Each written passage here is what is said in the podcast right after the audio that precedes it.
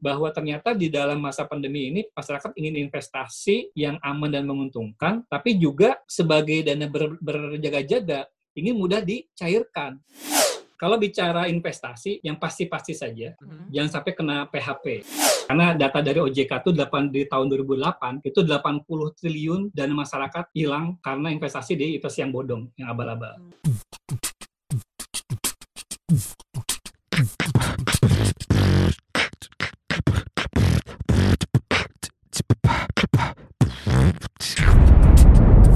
Cuap-cuap cuan. Hai Sobat Cuan, kita balik lagi nih di podcast Cuap-Cuap Cuan Dan gue sekarang ada teman baru Teman barunya ganteng juga Kalau kemarin ada. Daniel Ini nggak kalah ganteng Ada Gibran ya Bukan Selamat anaknya Pak. Jokowi Bukan, ah. saya nggak jual martabak. Lu jual jual diri Gib. Enggak lah, Jual kita apa? jual kemampuan karena saya siaran. Skill ya Skill, bener-bener. Hmm, gitu Makasih nih Gibran udah nemenin Sama-sama. kita Mm-mm. Gib, Hmm. hari ini narasumber kita ini adalah orang yang mungkin paling tepat ditanyakan soal utang. Betul, karena Ah, kalau kita lihat kan di sosial Media, media, itu, mm. aduh model lagi media itu banyak banget orang yang bisa dikatakan jadi ekonom dadakan dalam tanda kutip ngomong soal utang lah, kritisi soal utang lah dan segala macamnya. Padahal kan nggak bisa bantu juga buat bayar juga. Iya, cuma cuma protes aja. Iya gitu. benar. nah kalau bicara soal utang juga, ini kan ini beberapa kali tentunya ini jadi bahasan di ya di kantor kita juga sih Mm-mm, di mm-mm. Indonesia kan soal utang. Berapa negara juga. jumlah utang negara? Setahu gua itu nih, kalau salah nanti dikoreksi boleh ya, Heeh. Bapak ya, eh, Kangnya ya. Ini 5.258,57 triliun. Jadi rinciannya itu 4.400 triliun itu Mm-mm. dari SBN, Mm-mm. terus dari pinjaman itu 815 triliun. Sekitar itu Hmm, sebenarnya. Kalau gitu. benar sih, semoga benar. Semoga bener ya itu data yang disampaikan Gibran. Kan ini utang negara besar tadi ya. Hmm. Terus yang lo bilang tuh dari SBN, Iya, ada SBN. Surat tentu. Berharga Negara. Betul. Heeh, jadi kalau misalnya nih eh, sobat cuan selama ini selalu mengkritisi negara banyak utang, negara banyak utang, kontribusi lo apa? Nah, ini Bener. kalau misalnya bu- berkontribusi, kita bisa langsung tanya Hmm. Gib ke narasumber kita hari ini. Kita langsung sapa tentunya ada Kang Denny Ridwan. Halo Kang Denny. Kenalin dulu. Halo, Assalamualaikum warahmatullahi wabarakatuh. Sobat cuap-cuap cuan, apa kabar? Alhamdulillah baik. Sobat cuan nih Kang kita manggilnya kan. Oh, sobat cuan ya? Oke, siap. Dan terus Kang, jadi duitnya Ah. banyak bisa bantu negara juga kali-kali kan. Heeh, Kang Denny ini adalah siapa Gib? Adalah Direktur Sun Surat- DJPPR. Ah, Ini, ah. Sun ini adalah surat utang negara. Bukan sun bubur bayi? Bukan itu untuk umur bayi soalnya. ini soalnya harus yang berpenghasilan kalau Mm-mm. mau punya Sun ini ya. Nah, ini bicara soal Sun. Ini kan banyak orang yang nggak tahu nih Kang Denny soal Sun itu apa. Terus banyak yang suka mengkritisi soal utang negara. Jadi menurut Kang Denny sebenarnya Sun itu apa sih Kang Denny? Ya, jadi sun itu yang jelas bukan bubur bayi, Hmm. tapi diperlukan oleh bayi. Oke. Nah, ini- Oke. jadi kalau tadi bicara masalah kenapa kok harus utang gitu ya? Ini kita kalau anak zaman sekarang kan ada yang menyebut sebagai fear of missing out, FOMO. Nah, Mm-mm. tahu nggak? Tahu Tahu, tahu Jadi ketakutan kalau ada suatu event terus kita ketinggalan, ketinggalan mengenai uh, tren segala macam gitu. Ada FOMO. Nah, sebetulnya dari pengelolaan uh, keuangan negara juga kita ada FOMO, for- uh, fear of missing out. Kenapa? Kita jangan sampai kehilangan momen untuk berinvestasi. Hmm. Hmm. Investasi itu kalau investasi kita bicara yang investasi hanya di segi uh, fisik ya. Ya, Kita juga bicara masalah investasi di human capital. Hmm. Nah, apa tuh human capital? Jadi, sebagaimana uh, sobat cuan tahu kan kita sekarang ini punya bonus demografi di mana kita punya us- uh, penduduk usia muda yang sangat banyak, Mm-mm. betul kan? Nah, ini kalau para penduduk muda ini tidak kita siapkan, tadi para bayi tadi ini, para bayi-bayi yang lahir di Indonesia ini Hmm? tidak disiapkan dengan kesehatan yang baik, dengan asupan makanan bergizi yang baik, pendidikan yang baik, ini takutnya begitu nanti dewasa, ini menjadi pribadi-pribadi atau jadi manusia yang kurang bisa bersaing di dunia internasional. Hmm. Nah, jadi untuk itulah kita perlu segera melakukan investasi di human capital maupun di infrastruktur. Nah, kalau kita bicara infrastruktur, bukan hanya bicara jalan tol, itu bukan isu orang kaya infrastruktur itu. Infrastruktur kita bicara masalah listrik. Masalah kesediaan internet, masalah air bersih, itu semua kita bicara tentang infrastruktur. Jadi sebetulnya ini isu buat semua orang. Nah, untuk itu, maka supaya kita tidak missing out tadi, eh, kehilangan opportunity loss, ada beberapa belanja negara yang tidak bisa kita tunda. Hmm. Karena kalau ditunda nanti dampaknya panjang. Nah, untuk itu karena kita tahu ada keterbatasan dari sisi anggaran, penerimaan pajak kita masih terbatas, sementara kita perlu investasi yang besar, maka kita melakukan apa yang disebut sebagai pembiayaan, salah satunya melalui utang. Jadi Hmm. utang ini bukan sebagai tujuan, tapi adalah alat. Alat untuk kita bisa mesejahterakan bangsa ini baik sekarang maupun ke depan. Oh. Gitu, Mbak Ali. Hmm. Jadi eh, surat utang negara ini bisa dibilang salah satu instrumen investasi gitu ya. Betul. Eh, eh, untuk Iya. Depannya gitu ya. Eh, Nah, jadi jadi kalau dari sisi negara itu sebagai salah satu alat untuk menutup defisit ya, untuk men, apa sebagai alat untuk pembiayaan. Nah, dari sisi masyarakat, dari sisi investor, ini merupakan salah satu investa, eh, instrumen untuk investasi. hmm, Karena kenapa? Karena ini sebetulnya kan kalau dibandingkan dengan eh, jenis instrumen yang lain, ini punya keunggulan yang cukup menarik sebetulnya. Oke. Misalnya, nah, mau saya ini nggak? Kita perdalam nggak atau nanti? Eh, misalnya apa sih keuntungannya? Nah, satu, satu aja aja dulu yang dulu. paling menarik dulu. Apa? paling menarik, yang paling gampang orang membandingkan adalah, eh cuannya kan ngomong cuan kan? Ya. Ini cuannya menarik apa tidak? Oh, Nah, oke. kita bandingkan cuannya dari SBN atau ORI yang sedang sedang, kita eh, sedang jual nih sekarang sedang, sedang kita promo ORI dibandingkan dengan instrumen sejenis misalnya deposito. Mm-mm. Nah, deposito perbankan saat ini kalau kita lihat dari penjaminannya LPS, lembaga penjamin simpanan, itu jumlah maksimal yang akan dijamin oleh LPS sebesar 5,5 persen. Hmm. Jadi kalau yang punya tabungan cuma 10-15 juta nggak dapat tuh 55 juta. Paling kan 4, 4 atau 5 persen lah dapat ya, depositonya. Tapi kalau A- Kak Alin atau Gibran punya satu juta saja, Mm-mm. dibelikan ori, itu suku bunga yang kita, atau kupon yang kita tawarkan adalah sebesar 6,4 persen. Juta bisa, Kang? Satu juta bisa. Hebat dong nih kalau sejuta bisa. Iya, itu dengan sneakersan, dengan sneakernya Gibran aja udah kalah. Lebih mahal harga sneakers kayaknya. Iya, makanya. Kang, Nah, jadi dari sisi yieldnya lebih besar, tadi ya eh, 6,4 dibandingkan dengan eh, deposito yang lebih, ke- lebih kecil. Hmm. Kemudian dari pajak juga lebih ada insentifnya. Kalau deposito, pajaknya 20 persen. Hmm. Sementara kalau obligasi negara, hanya 15 persen. Wah, Jadi overall, lebih besar dong cuannya. Benar, benar, benar. Gitu. Tapi bicara soal Sunni atau Ori atau SBN nih, Kang. Ini kan banyak orang yang nanya. 6, koma berapa persen tadi? 6,4 6,4. persen ini berarti akumulasi untuk satu tahun, Kang.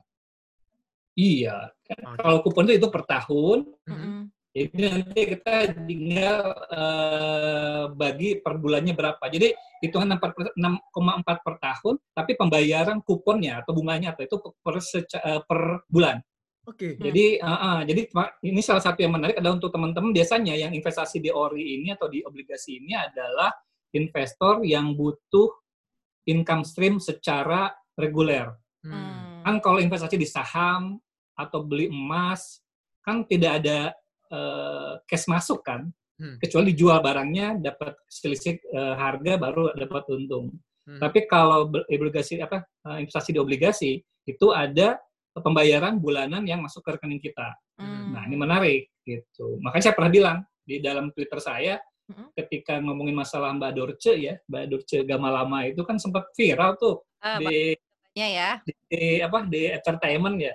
Hmm. Dia ngerasa sudah bangkrut karena uangnya tinggal Tiga- 3 miliar. 3 M. Terus dia ngelamar jadi sopirnya Raffi Ahmad gitu kan. Lalu saya bilang, e, Mbak Dorce kalau punya uang 3 miliar, kemudian dibelikan ori, Mm-mm. eh, obligasi negara retail, itu per bulan yang akan didapat setelah dipotong pajak, itu sebesar 13,6 juta.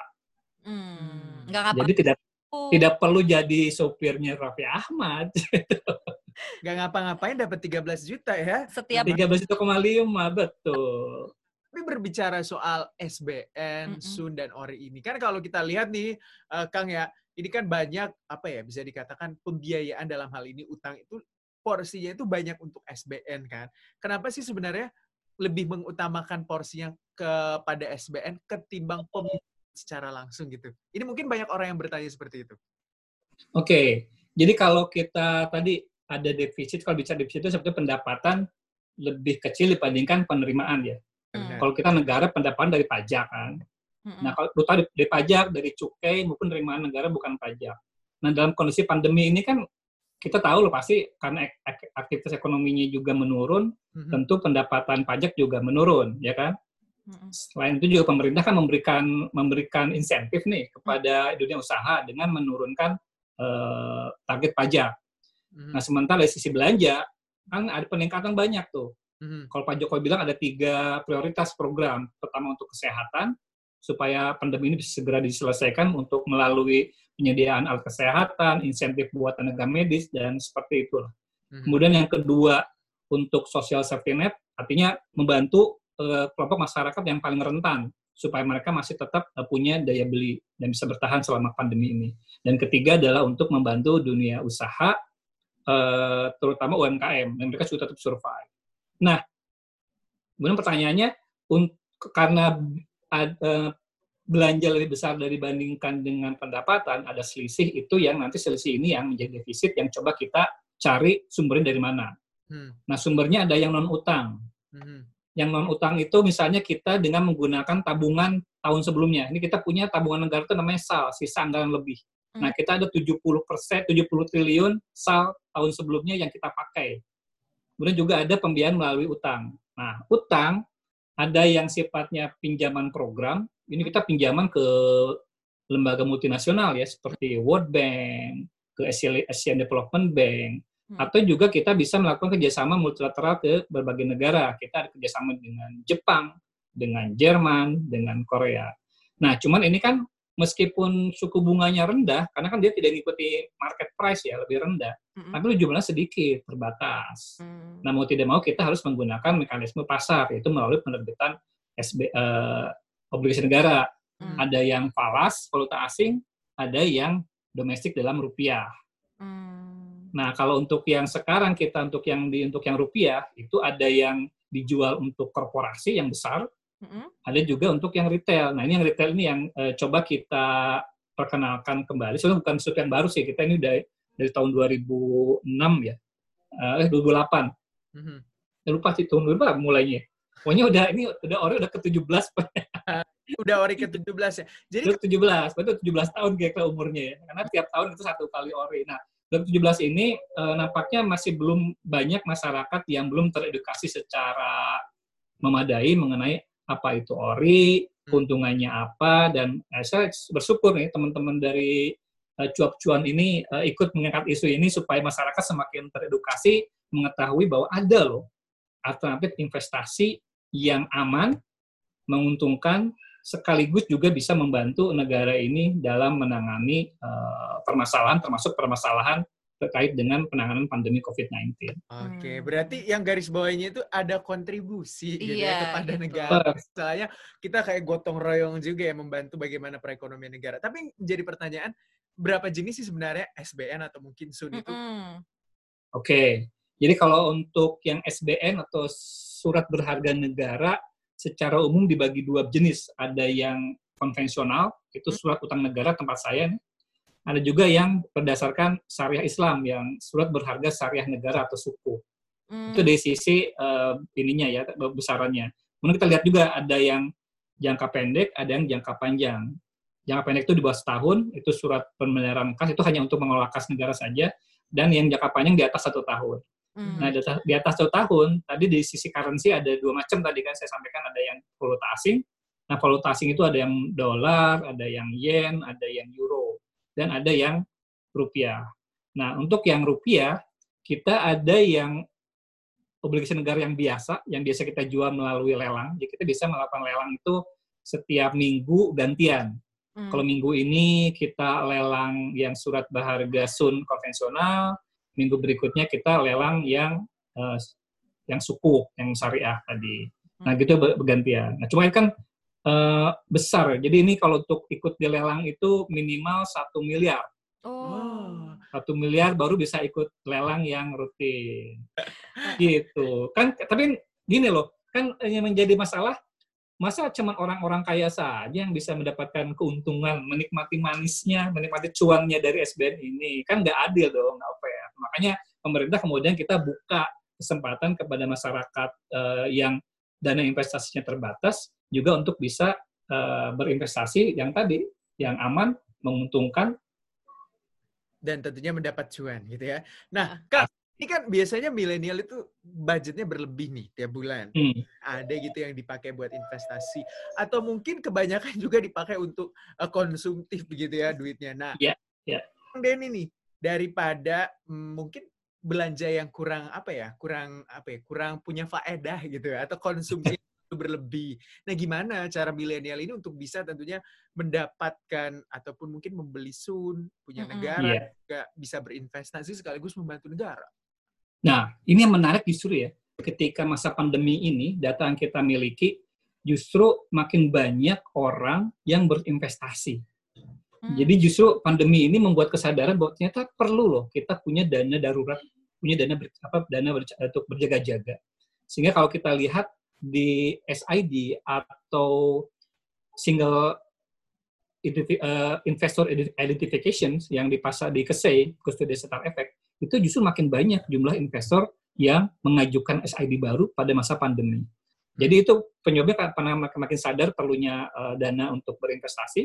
Terus kedua juga tadi sampaikan oleh Gibran, Gibran bahwa di masa pandemi ini kan sudah para milenial juga susah susah keluar kan dong hangout ke kafe udah susah kafenya tutup gitu. Mau nonton besok juga tutup. Benar. Mau ke tempat-tempat lagi happening juga tutup semua. Akhirnya justru punya dana lebih yang bisa diinvestasikan. Hmm. nah dan memang kalau di data kita yang data kita miliki di tahun 2018 sampai 2019 justru di tahun kemarin itu yang sekarang yang paling banyak investasi di obligasi negara itu adalah kaum milenials. Mhm. Hmm. Luar biasa loh. Jadi sebetulnya ini saya menjadi suatu uh, harapan baru nih buat buat kita karena begini. Salah satu tujuannya kita menerbitkan obligasi retail ini adalah ingin menumbuhkan budaya berinvestasi untuk generasi muda. Karena harapannya begitu nanti mereka semakin dewasa, kemampuan ekonominya juga semakin tinggi, maka keinginan untuk berinvestasi juga sudah tinggi. Kenapa? Karena sudah tahu manfaatnya apa, nikmatnya apa berinvestasi itu. Sehingga nanti ke depan kita bisa lebih mandiri dari sisi pembiayaan. Jadi hmm. kalau sekarang kita masih mencari-cari utang terkutip ya ke luar negeri. Nah, kalau investor dalam negeri sudah kuat, kita sudah tidak perlu lagi cari-cari uh, pinjaman ke luar negeri. Seperti sama bisa Jepang. Jepang itu utangnya lebih besar daripada kita, persentasenya sekitar 200 persen dari GDP-nya dia. Kita sekarang hanya 30 persen, Jepang 22 persen. Tetapi utangnya sebagian besar kepada rakyat, rakyat sendiri. Okay. Jadi yang dapat cuan, dapat untung rakyat sendiri. Sementara kita di Indonesia sekarang ini 70 persen adalah domestik, 30-an persen adalah asing. Sehingga yang masih sebagian dinikmati oleh asing. Nah ini yang ini kita tingkatkan lagi semakin banyak masyarakat yang berinvestasi, menikmati nikmatnya cuan dari SBN ini, dan secara negara kita semakin mandiri. Ya, gitu. Begitu iya. ya Kang Denny ya. Jadi sense of belongingnya juga bisa tinggi terhadap Benar. negeri ini, nggak cuma nyicip. Oh persis, betul. betul. Tapi kalau saya itu sadar selama pandemi ini, benar tadi kata Kang Denny, itu tuh ada uang yang sebenarnya atau pengeluaran yang sebenarnya dulu nggak gue perluin gitu. Ternyata. Ternyata, uh. ternyata gue nggak perlu sebenarnya uh. gitu kan. Dan selama ini, oh ternyata ini bisa dialih fungsikan gitu. Untuk buat ditabung atau diinvestasikan. Gitu. Benar. Kan, nah, tapi kan ini tadi uh, apa namanya ori ini adalah salah satu jenis sun ya. Tadi ada sukuk, ya ada ada uh, eh, ST ya, ada ori. Oh, ya. iya iya. Jenis-jenisnya gitu. Jenisnya oke. Okay. Hmm. Jadi pengen tahu ini ya, retail ya, jenisnya oke. Okay. Lupa saya menjelaskan. Uh, jadi kalau untuk yang retail itu ada yang konvensional ada dua jenis, kemudian yang sukuk ada dua jenis. Oh, oke. Okay. Nah kalau yang konvensional kita punya ori dan SBR. Mm -hmm. Nah jadi konsep dia di, di tempat kita di Direktorat Sun ada prinsip kalau nggak bisa ori harus SBR. Okay. Ngerti nggak maksudnya tuh? Gimana tuh? Gimana tuh? Maksudnya kalau nggak bisa beli yang original, ya harus SBR, harus sabar, jangan beli yang KW-KW. oh itu ada filosofinya ternyata ya. Kenapa itu ya singkatan-singkatannya. Oke, jadi sebetulnya kalau yang SBR itu eh, saving uh, saving bond retail. Hmm. Jadi ini bentuknya seperti deposito, hmm? ya, eh, dua tahun jatuh jatuh temponya. Eh, terus suku bunganya variabel apa, floating, bisa naik turun, Hmm. naik turun. Jadi bukan hanya masa rasa cinta kita saja yang naik turun, ini juga sama nih eh, imbal hasil SBR juga bisa naik turun. Cuman menariknya adalah kalau kan dia mengacunya ke suku bunga Bank Indonesia ya. Hmm. Kalau suku bunga Bank, Bank Indonesia naik, dia ikut naik. Oke. Tapi kalau suku bunga Bank Indonesia turun, maka dia akan dipatok di angka pada waktu penerbitan. Oke. Misalnya kita bulan Februari kita menerbitkan SBR, Hmm. eh, bunga atau kuponnya itu sebesar 6,3 persen. Nanti kalau suku bunga Bank Indonesia naik, dia bisa ikut naik. Tapi kalau suku bunga Bank Indonesia turun, dia hanya dipatok di 6,3 persen. Hmm. Dan itu eh, jangka waktu 2 tahun, tapi ada early redemptions, jadi bisa ditebus lebih cepat di pada pada periode tertentu. Itu yang SBR. Nah, SBR itu sama dengan kalau di sukuk itu adalah eh, sukuk tabungan atau ST tadi yang dibilang oleh Mak Alin. ST ST sama dengan SBR. Hmm. Nah, sementara untuk ORI, nah ORI ini lebih panjang jangka waktunya, yaitu tiga tahun. Kemudian suku bunganya tetap fix, Oh, oke. tidak berubah, tidak ini, tidak dia lebih pasti lah, bukan orang yang labil naik turun, dia eh, lebih fix ya 6,4. Eh, tapi menariknya adalah dia bisa diperdagangkan di secondary market, di Hmm. pasar sekunder. Mm-mm. Pasar sekunder itu bukan pasar Cikini, pasar Tanah Abang ya lain ini. pasar sekunder itu kalau dicari di Google Map nggak bakal ketemu itu mana Iya. pasar sekunder. Di Yang ada pasar Palmera sih namanya kan. Pasar sekunder deket situ ya. Jadi pasar sekunder itu eh, pasar antar investor. Hmm. Hmm. Nah kalau sekarang kita ini eh, masa penawaran ori, artinya kita ini pasar perdana Hmm. dari kita penerbit langsung menjual kepada calon investor. Itu Mhm. pasar perdana. Hmm. Nah nanti di pasar sekunder itu pasar jual beli antar investor. Hmm. Nah jadi ori ini bisa diper- diperjualbelikan di pasar sekunder. Jadi selain tadi ada kemungkinan juga men- ada apa sudah pasti mendapatkan kupon bulanan, Mm-mm. ada juga kemungkinan mendapatkan capital gain. Seperti saham tuh. Saham kan kalau kita jual lebih tinggi pada harga beli dapat capital gain. Nah Benar. ini sama. Ori juga kalau harga jualnya lebih tinggi pada harga kita beli, kita dapat capital gain. Oh, gitu. Nah, Jadi Nah, ya, Cara ngedapetinnya gimana? eh, coba? cara belinya cara dapetinnya. Oke, jadi cara dapetin sebetulnya gampang. Kita ini sudah sejak tahun 2018 untuk penjualan ori ini atau obligasi retail ini sudah dilakukan secara online, Hmm. full online. Jadi ini sangat mendukung aktivitas para generasi rebahan, tidak perlu keluar rumah, gitu ya. Bisa sambil nonton drakor gitu ya, bisa sambil bisa sambil stalking IG-nya mantan juga bisa gitu. Itu bisa langsung berinvestasi. Perlu ke mana-mana gitu ya. Bisa investasi. Jadi Nah, jadi eh, kita ada ini ya, ada beberapa kita nyebut sebagai mitra distribusi, MIDIS. Nah, mitra distribusi ada banyak kita. Ada 16 bank, Mm-mm. ada empat perusahaan sekuritas, ada dua perusahaan fintech, ada tiga perusahaan efek khusus. Itu di- da- kalau mau lihat detailnya bisa ngelihat ke landing page-nya Ori di kemenq.go.id slash Ori. Hmm. Nah, di situ nanti ada daftar eh, apa informasi yang sangat lengkap mengenai apa itu ori, keuntungannya, kerugiannya, termasuk tadi daftar eh, para mitra distribusi kita. Nanti ada link-linknya tadi, tinggal, tinggal klik linknya nanti diarahkan. Nanti tinggal milih eh, rekan-rekan semua para mitra sobat cuan, apakah mau melalui websitenya atau bahkan ada yang sudah melalui aplikasi. Nah, lebih gampang lagi kan. Jadi ada apps untuk berinvestasi. Silahkan nanti dicari ini informasinya. Pokoknya gampang lah. Hmm. Nah, yang penting ada persyaratannya. Pertama, harus punya tabungan, Hmm. rekening tabungan. tabungan bank biasa. Bank biasa. Oke. Terus tentu kalau punya tabungan harus ada isinya ya. Itu pasti kalau ada Kalau nggak ada, apa yang diinvestasikan gitu kan.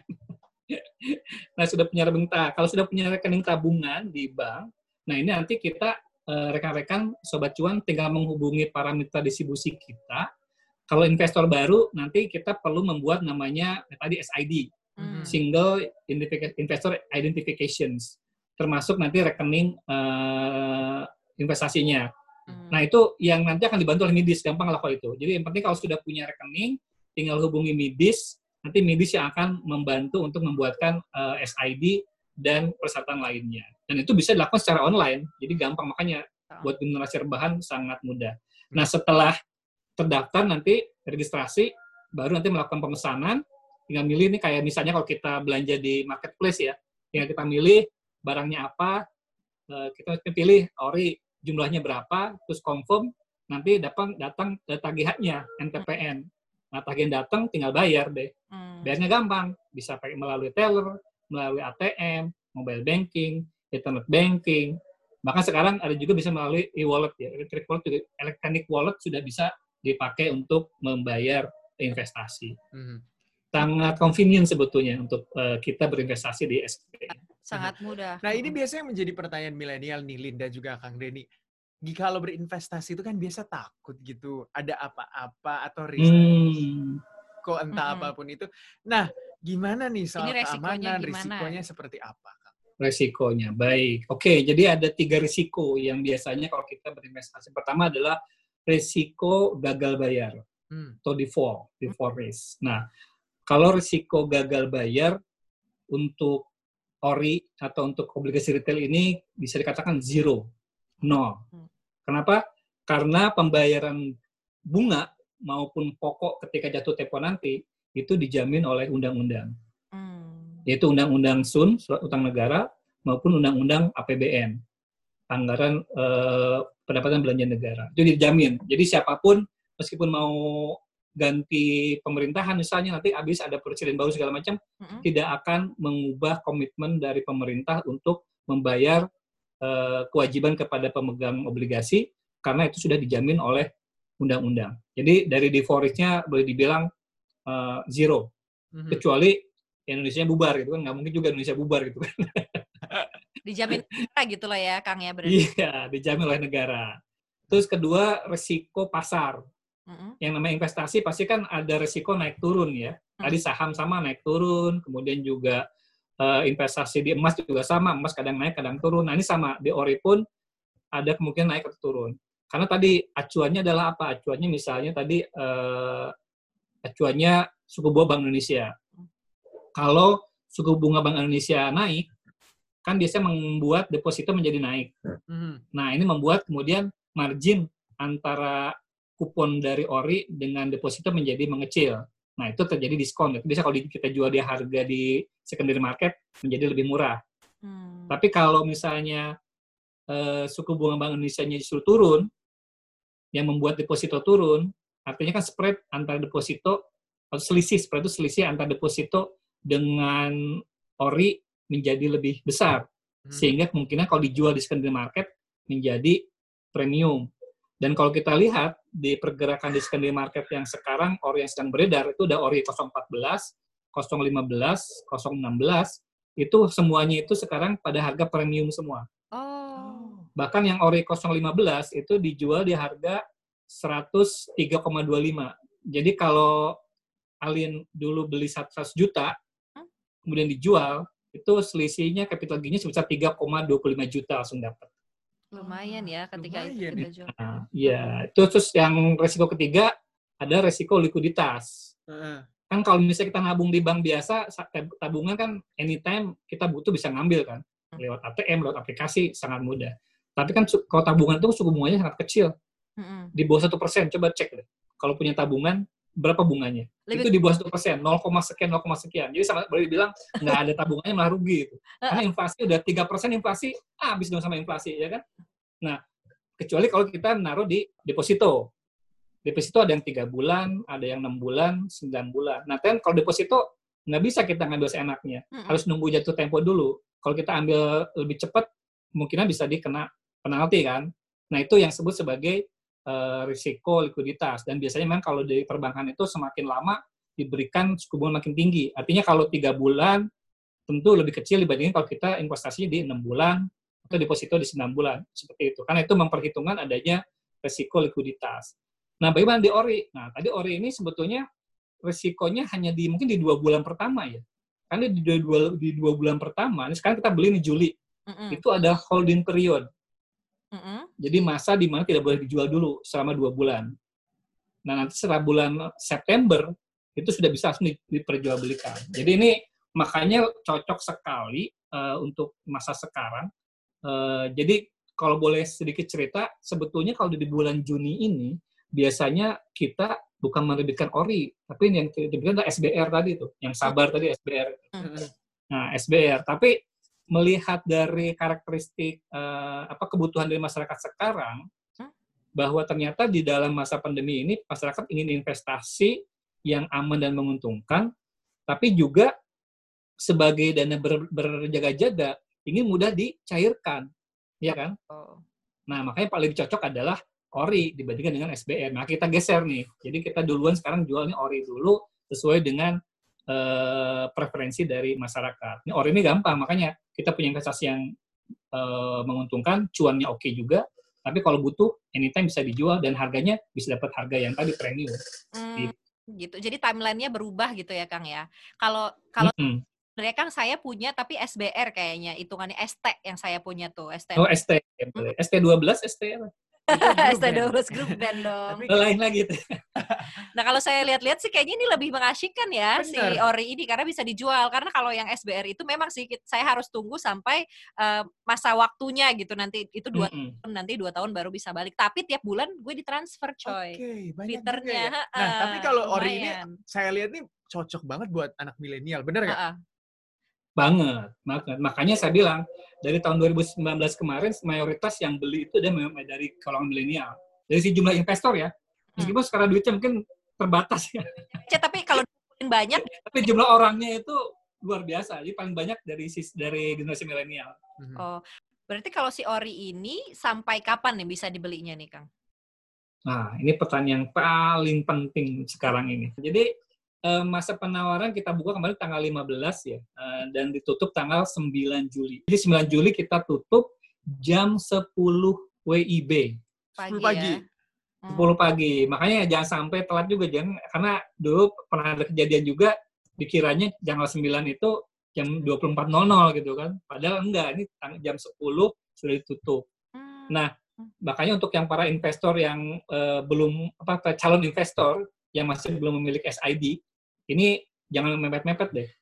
E, kalau memang mau investasi, sediakan waktu 2-3 hari sebelum masa penutupan untuk bisa mengurus. Nah, baiknya sih, begitu mende selesai mendengarkan podcast cuap-cuan ini, langsung hubungi medis terdekat hmm. untuk bisa mengurus proses administrasinya, supaya jangan sampai tadi missing out. Sayang kan?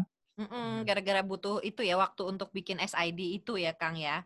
Iya, kalau kalau Alin kan sudah sudah investor ya, jadi uh, cepat ini prosesnya, tinggal pesan di gadget, bayar, selesai. Tapi untuk yang new investor yaitu perlu ada waktu untuk uh, verifikasi dan eh untuk registrasi, sorry.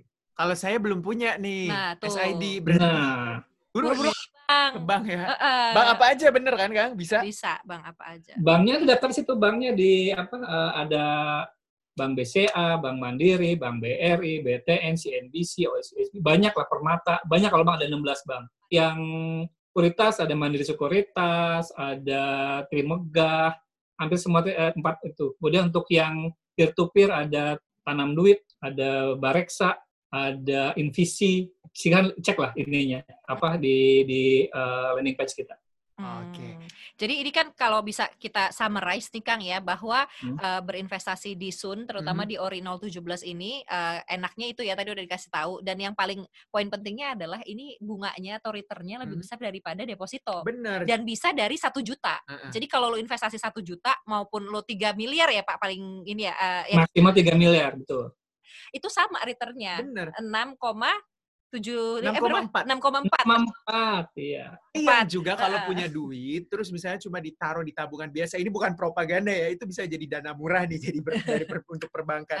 Mending dimasukin gitu kan kan uh, dapat return yang lebih baik juga. Ke ori 017 ini ya. Kang kalau timelinenya setelah ori ini ada apa? Mungkin kan ada sobat cuan yang kayak ah kayaknya ori bukan tipe investasi buat gue deh gitu hmm. kan? Karena kan hmm. Investasi itu sesuai dengan ini ya biasanya keinginan gitu, keinginan dan gitu. uh, kondisi masing-masing gitu uh. mungkin ada yang uh, gue investasinya di sun yang lain deh gitu nah ini boleh nggak oh, okay. tahu Kang timelinenya setelah ori 017 kan sampai 9 Juli nih nextnya ada, ada produk apa lagi gitu oke okay Oke, untuk timelinenya kalau ingin ikut yang lelang reguler, hmm. kan Gibran kan duitnya banyak ya, bisa dua tiga miliar tuh itu bisa ikut lelang reguler uh, Gibran. Tergantung nanti kalau mau yang konvensional atau mau yang eh, apa yang syariah atau sukuk itu kita masih punya 23 kali lelang bergantian tadi antara yang konvensional sama yang sukuk uh, tiap hari Selasa. Jadi tiap hari Selasa kita ada lelang. Lelang tuh hari lelang nasional kita tuh adalah hari Selasa. Aha. Hmm. Nah, jadi kalau mau yang untuk yang lelang reguler, silakan menghubungi istilah DU, dealer utama, eh, bank-bank yang dan plus sekuritas yang menjadi mitra kita dalam melakukan lelang. Hmm. Sementara kalau untuk yang retail, rencananya ini masih ada uh, beberapa kali penerbitan, termasuk yang konvensional dan yang syariah. Mungkin yang konvensional tinggal yang SBR ya, Mhm. kemungkinan di akhir tahun. Kemudian untuk yang sukuk masih ada ST. Mungkin yang paling dekat itu kalau yang untuk yang syariah atau sukuk Mhm. tahu berdasarkan timeline sekitar bulan Agustus September lah itu mungkin akan ada. Jadi teman-teman yang memang tertarik untuk beli yang syariah itu bisa nunggu sampai hari, eh, bulan eh, Agustus atau September. Tapi ini kita akan selalu kan gini, kita selalu melihat perkembangan di pasar. Mhm. Nah, kita strateginya itu istilahnya antisipatif lah dan juga oportunistik. Nah, jadi kalau misalnya ada kesempatan bagus, kita sikat bleh gitu kan. Tapi kalau misalnya kondisi pasarnya kurang eh, bagus, ya nanti kita eh, cari strategi yang lebih pas gitu. Sama seperti sekarang ini kan, kita lihat, wah kalau SBR kayaknya kurang menarik nih buat buat kurang cocok gitu dengan kebutuhan dari nasabah sekarang. Maka kita kita geser dengan eh, ori begitu. Hmm. Nah ini tentunya menjadi pilihan gitu ya Alin ya. Buat orang-orang yang mungkin selama ini berpikir bahwa nggak perlu gitu saya berinvestasi. Mm-mm. Ternyata investasi itu mudah dan juga ya ada faedahnya membantu negara ada juga. faedahnya membantu negara ya. Jadi Mhm. jangan cuma berkoar-koar negara banyak utang gitu ya. Coba dibantu utangnya juga nggak- negaranya. Dibantu juga negara ya jangan cuma dikomenin gitu Bener, sobat bener, cuan. Ini selanjutnya mungkin kamu masih punya sesuatu gitu yang ada Apa ya? mengganjal di kepala untuk Oh ini ditanyakan. sih, ini saya sebagai eh, posisinya adalah sebagai eh, apa ya konsumen ya. Mhm. Saya mau nanya, Oke. kan kalau misalnya awal tuh dulu eh, saya nggak- lupa sih yang dirilisnya itu apa, itu masih 8% gitu, apa returnnya. Terus kok makin ke sini, makin ke sini, makin ke sini, makin turun nih Kang. Hmm, 8, 7, 6,4 Heeh. sekarang. itu kenapa? Jangan-jangan nanti 3 persen. Iya. Oke, kalau kalau imbal hasil yield atau yield atau imbal hasil investasi turun tuh biasa. Hmm. Yang jangan turun tuh harga diri jangan sampai turun itu yang jadi gini, jadi kalau kita dalam kita menetapkan eh, imbal hasil atau kupon ya kalau di kalau obligasi ini kita sebut kupon karena dulu ceritanya kalau obligasi itu kan dulu ada lembaran ya, lembaran seperti kalender gitu kan. Terus ada kuponnya. Jadi kalau orang mau ngambil tadi yang bulanan itu disobek kuponnya tuh seperti sobek perangko atau materai gitu. Nanti ditukar tuh datang ke ke kantor pemerintah, eh nuker nih kupon gue ambil. Ini kayak ini kayak kalendernya yang fast food banyak tuh ya fast food kalender Ya. uh, ada tuh yang disobek tuh nanti tuker dengan satu minuman dua wah, seperti itu. Makanya istilahnya kupon kalau di obligasi itu. Nah, iya mau ngomong apa tadi ya? Oh, imbal hasil, oke. Jadi eh, dalam kita menetapkan kupon atau imbal hasil, kita menetapkan melihat beberapa eh, indikator.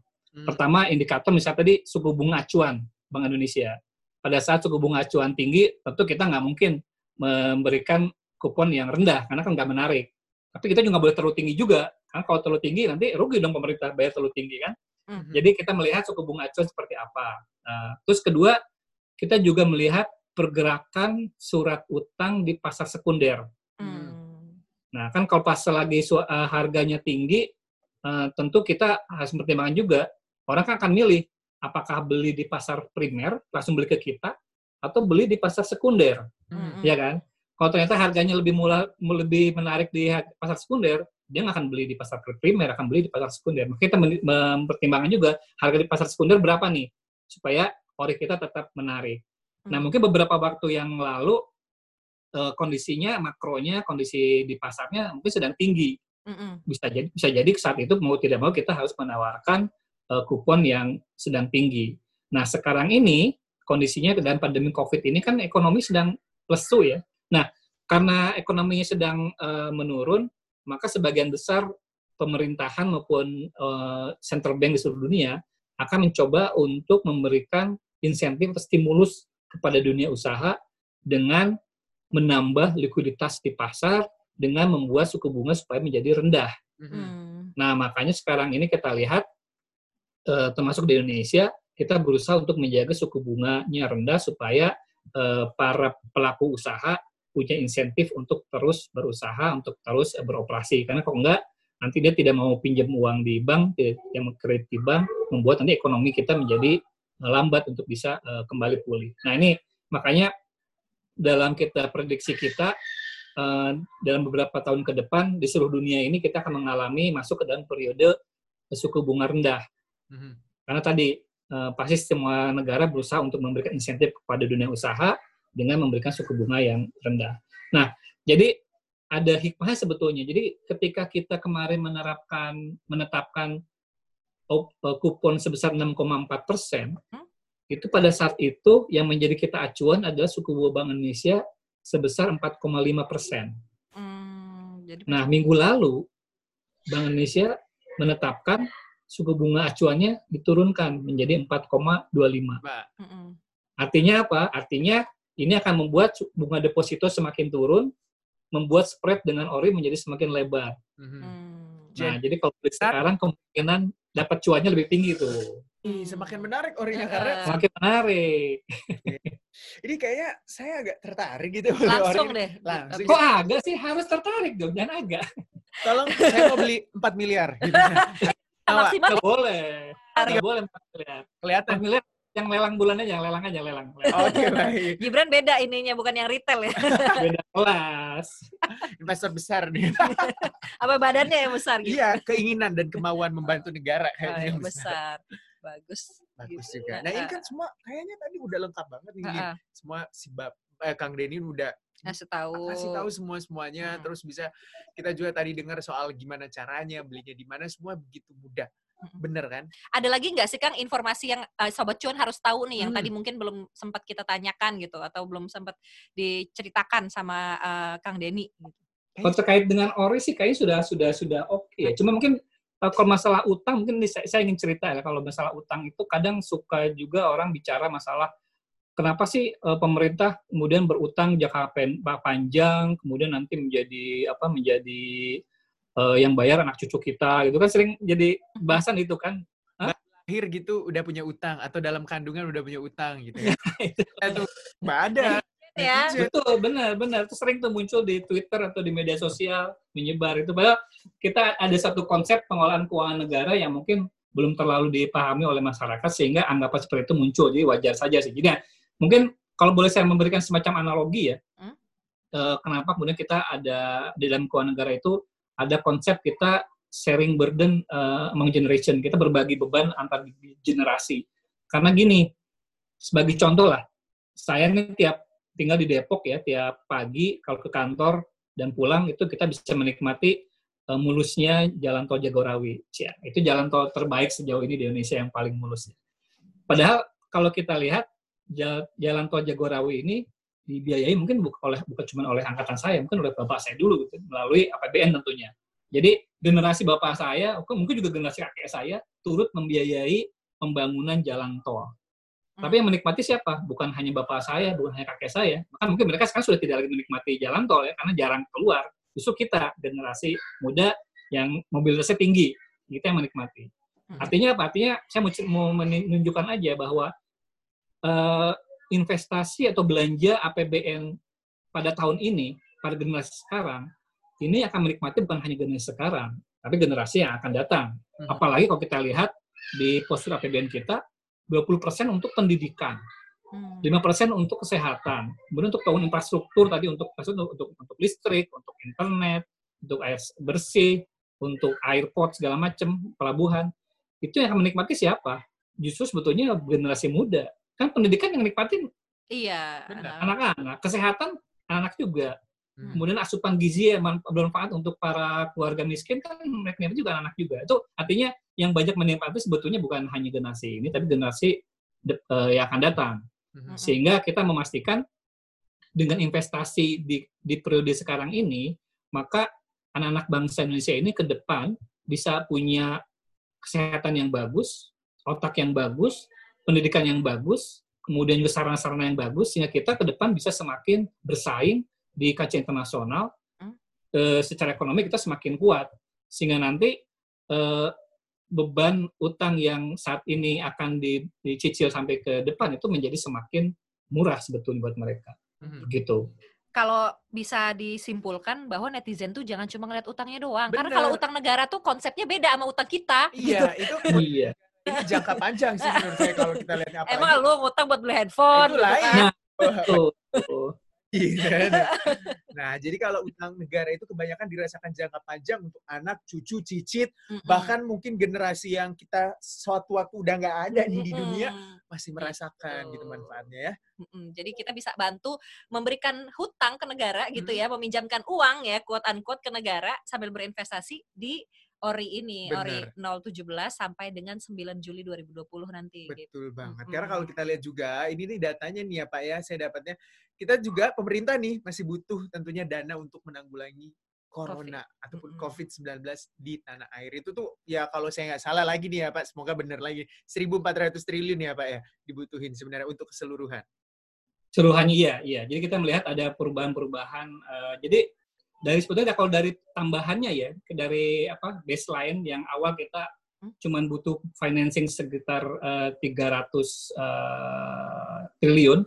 Nah ini dengan penambahan defisit akibat penanganan pandemi ini, tambahannya itu ada sekitar 1000. Betul, jadi total sekitar 1400-500 ya. Tapi Hmm. tambahannya saja untuk penanganan COVID ini sekitar 1000 triliun. Jadi ya cukup besar, cukup besar. Hmm. Jadi memang yang ini yang perlu. Jadi ini suatu investasi, suatu belanja yang tidak bisa kita tunda.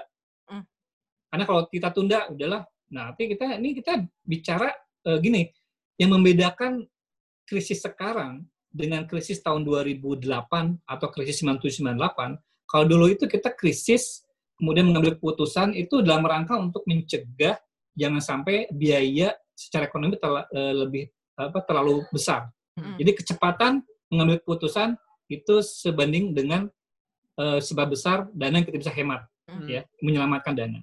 Tapi kalau sekarang ini kecepatan kita mengambil keputusan itu sejalan dengan seberapa banyak nyawa manusia yang bisa kita selamatkan, Iya. Mhm. gitu. Jadi eh, kita nggak bisa menunggu. Ini belanja-belanja yang harus segera kita lakukan dalam rangka untuk menyelamatkan manusia, dalam rangka untuk menjaga tadi keluarga-keluarga yang rentan tetap bisa memberikan makan kepada uh, keluarganya dan juga bisa menjaga para UMKM ini tetap bisa hidup. Hmm. Karena jangan sampai nanti kesehatannya selesai, eh bisnis habis nih. Terus kan mau ngapain gitu. Kita tetap harus menjaga juga para UMKM ini bisa tetap survive karena begitu masalah kesehatan tertangani, kita harapkan kita bisa recovery karena UMKM tetap ada, tetap hidup. Kami bisa Gitu. berjalan gitu ya, Kang. Benar. Kang ini terakhir Insya Allah. uh-uh, Hmm. targetnya Ori 017 ini berapa dananya? Yang Uh, terhimpun uh, gitu Yang ya? terhimpun. Target awal kita sebesar 10 triliun, Mbak Oh. Oke. Hmm. Tapi kayaknya hari ini udah tembus tuh.